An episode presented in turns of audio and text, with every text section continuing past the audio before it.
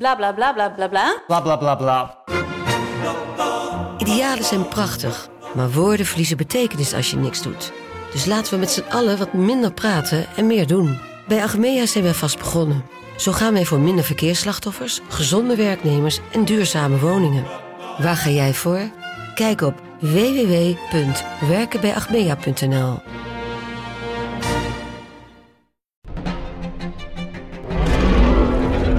Maarten van Rossum en ik, Gijs Rademaker, nemen je mee naar de tijd van de dinosauriërs. Ja, jij vindt het gemene beesten Ik vind het gewoon eigenlijk. gemene beesten. Ja, Kijk, kijk naar ze. Beesten zijn niet gemeen. We zijn het eigenlijk nooit eens. Maar T-Rex is toch veel sexier. Nee, ik vind een kakkerlak net zo sexy als T-Rex. Ja, ik zie dat je daar moeite mee hebt. Voor iedereen die vroeger al van dino's hield en nu nog steeds een beetje, luister naar DinoCast. Deze aflevering van de Echt Gebeurd podcast wordt mede mogelijk gemaakt door Best Secret, een exclusief online modewarenhuis. Bij Best Secret krijg je toegang wanneer je door vrienden wordt uitgenodigd of als luisteraar van Echt Gebeurd. Bij Best Secret vind je kleding voor vrouwen, mannen en kinderen. Bovendien krijg je er korting op heel veel aanmerken, zoals Patagonia, Nike, Petit Bateau en nog veel meer. Kortingen kunnen oplopen van 20 tot wel 80 procent. Dus mocht je nog op zoek zijn naar een nieuwe outfit voor het zomerse weer, Best Secret heeft voor ieder wat wils. Van sneakers tot zomerjurken en van tassen tot slippers. Bestellen kan eenvoudig via de website van Best Secret of via hun eigen app. Binnen een paar dagen wordt de kleding bij je thuis bezorgd. En retourneren is gratis. Ga dus snel naar bestsecret.nl slash echtgebeurd. Dat is bestsecret.nl slash echtgebeurd. En dan nu, door met de podcast.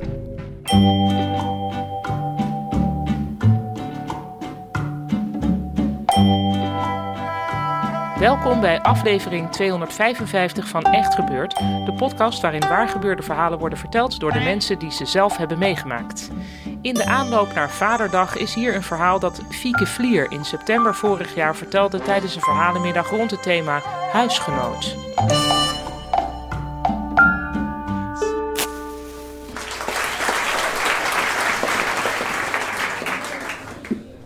Het was eh, december 1990 en ik kon niet goed slapen. Ik was 12, want ik lag achter de bank in de woonkamer met mijn eh, ouders en mijn oudere zus. En ik had het heel erg koud, want we waren die dag verhuisd.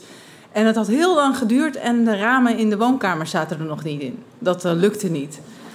Ehm, en hoewel ik het koud had en ik was heel erg moe, eh, was er toch een soort van gevoel van opluchting en opwinding en hoop voor dit nieuwe, deze nieuwe periode in mijn leven. Ik ging naar de middelbare school en eh, ik liet een beetje een vervelende periode achter me.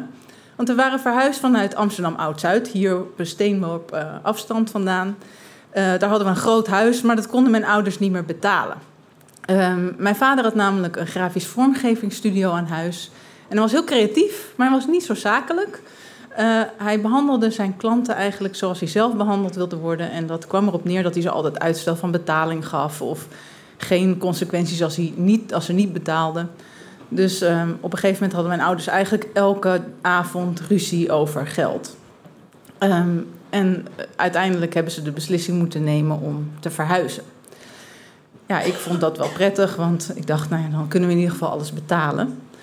Um, toen we in ons nieuwe huis waren, was mijn vader uiteraard aan het zoeken naar een baan. En dat lukte niet echt, want hij was begin 50. Hij had geen computeropleiding voor zijn werk. Hij uh, kreeg altijd aan huis nog van die enveloppen met tekst erin die je zelf moest snijden en plakken. Uh, dus hij werkte gewoon voor de post af en toe en uh, deed wat, wat baantjes. Mijn moeder werkte ook, dus we konden rondkomen. En dus ik begon mijn, uh, mijn leven weer op te pakken en ik ging gewoon uh, naar school. Ik fietste naar school en op een dag kwam ik thuis. We wonen in een uh, antiek en kunststraatje in het centrum van Amsterdam. Boven een Cobra-galerie. Ik kwam naar boven en dan zag je allemaal schilderijen aan de muur hangen. En ik kwam naar boven en ik gooide mijn tas in de gang. En ik ging naar de keuken om iets te drinken te pakken. En de deur van de ijskast was tegenover de deur van het balkon. En het balkon keek uit op de binnentuinen. En ik draai me om en ik kijk op het balkon en mijn hart blijft stilstaan. Want wat zie ik daar op het balkon? Pontificaal, op het kleine balkonnetje staat zo'n grote wietplant. Ja, misschien denk je van, hoe weet een 12-jarige hoe een wietplant eruit ziet? Nou, ik kan je vertellen dat in de jaren 90 Amsterdam vergeven was van de wietblaadjes. Overal uh, had je t-shirts met wietblaadjes, petjes, dus dat wist ik wel. Uh, maar ik was vooral heel erg boos meteen. Want ik wist één ding zeker, die wietplant is van mijn vader. Hij heeft een of ander stom plan om geld te verdienen. Met één wietplant. Uh, en hij gaat ons allemaal de vernieling in helpen. En dit gaat niet goed. Want er kwamen ook heel vaak. Ten eerste dat balkon, dat, dat, er keken allemaal uh, daken op uit. En uh, er cirkelden ook wel eens helikopters rond en zo. Dus ik dacht, ja, dan word je natuurlijk opgepakt en dan ga je de gevangenis in. En dan zijn we nog verder van huis. Um, dan denk je misschien, nou, dan ga je met je vader praten. Vraag je, mag die wietplant weg? Maar dat kwam eigenlijk niet bij me op. Want uh, mijn vader was uh, ja, uh, geboren in 1939. Een type dat niet, nooit over zijn emoties praatte. En die hield er niet van om geconfronteerd te worden met moeilijke dingen. Dus ik wist al dat hij gewoon geen antwoord zou geven. Hij zou gewoon de vraag negeren. Dus ik dacht, nee, die wietplant moet dood. Dus ik bedacht me al vrij snel, uh, hoe ga ik dat doen? Ik ga gewoon bleek bij die wietplant gooien, elke dag. En dan gaat hij vanzelf al dood. Uh, dus elke dag naar school. Mijn moeder was meestal nog aan het werk. Mijn vader zat vaak in het café. Mijn zus, ja, die was uh, zes jaar ouder, dus die had haar eigen dingen. Dus ik ging dan elke dag, deed ik wat bleek bij de wietplant. En na een paar dagen begon hij er al redelijk sip uit te zien. Um, en ongeveer een week was hij dood. En het ging eigenlijk vrij makkelijk. Niemand die ja, zei iets. Ja, ik voelde me eigenlijk ook wel een beetje schuldig. Want ik dacht van ja, kennelijk als niemand wat zegt... dan hadden ze ook wel verwacht dat die wieplan wel weer dood zou gaan. Weer een plan mislukt. Dus ik voelde me eigenlijk een beetje kut dat ik zo weinig vertrouwen had... of dat iedereen zo weinig vertrouwen had in mijn vader... dat hij die wieplant niet levend kon houden. Dus ja, ik voelde me kut, maar het leven ging ook weer verder. En eigenlijk heb ik er de hele tijd niet meer aan gedacht. Tot vijf jaar later. Vijf jaar later, het ging helaas niet goed met mijn vader. Mijn vader die had uh, terminale kanker, um, mond- en keelkanker. En hij was eigenlijk een schim van zichzelf. Uh, hij was heel mager geworden. En ik weet niet of iemand zich nog kan herinneren dat de oud-Iraakse dictator Saddam Hussein werd uh, gevonden en opgehangen. Maar zo zag hij er eigenlijk heel erg uit.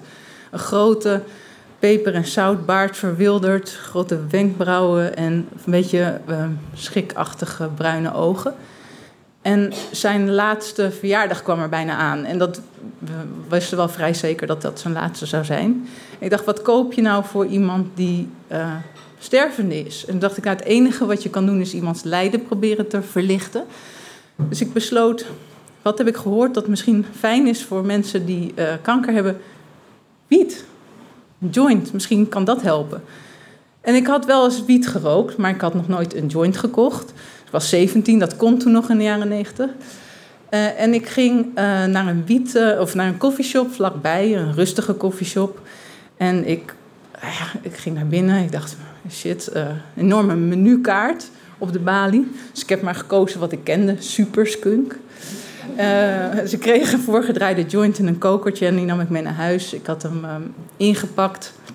En, uh, en uh, op 5 februari was mijn vader jarig en ik gaf hem en hij pakte hem uit met zijn nicotine gevlekte slanke vingers.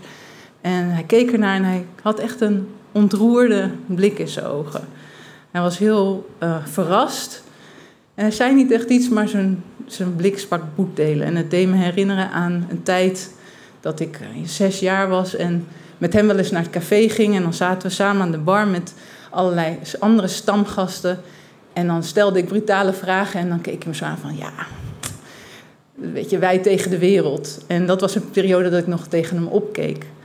Dat moment, dat kwam even terug. En ja, eigenlijk is dat het laatste moment geweest dat we echt contact hebben gehad. Een maand later, uh, twee dagen na mijn 18e verjaardag, is hij overleden. Dankjewel. Je hoorde een verhaal van Fieke Vlier. Ze vertelde het vorig jaar bij ons in Comedy Club Toemler in Amsterdam, waar we toen nog elke derde zondag van de maand een verhalenmiddag organiseerden. Die echt gebeurd middagen liggen sinds afgelopen maart stil vanwege het coronavirus, maar we hopen vurig dat we, misschien wel ergens in het najaar, weer nieuwe middagen kunnen gaan organiseren. We missen de vertellers en het publiek. Maar tot die tijd is er elke week deze podcast. De redactie van Echt Gebeurd bestaat uit Micha Wertheim, Sanne Pols, Rosa van Toledo, Maarten Westerveen en mijzelf, Paulien Cornelissen.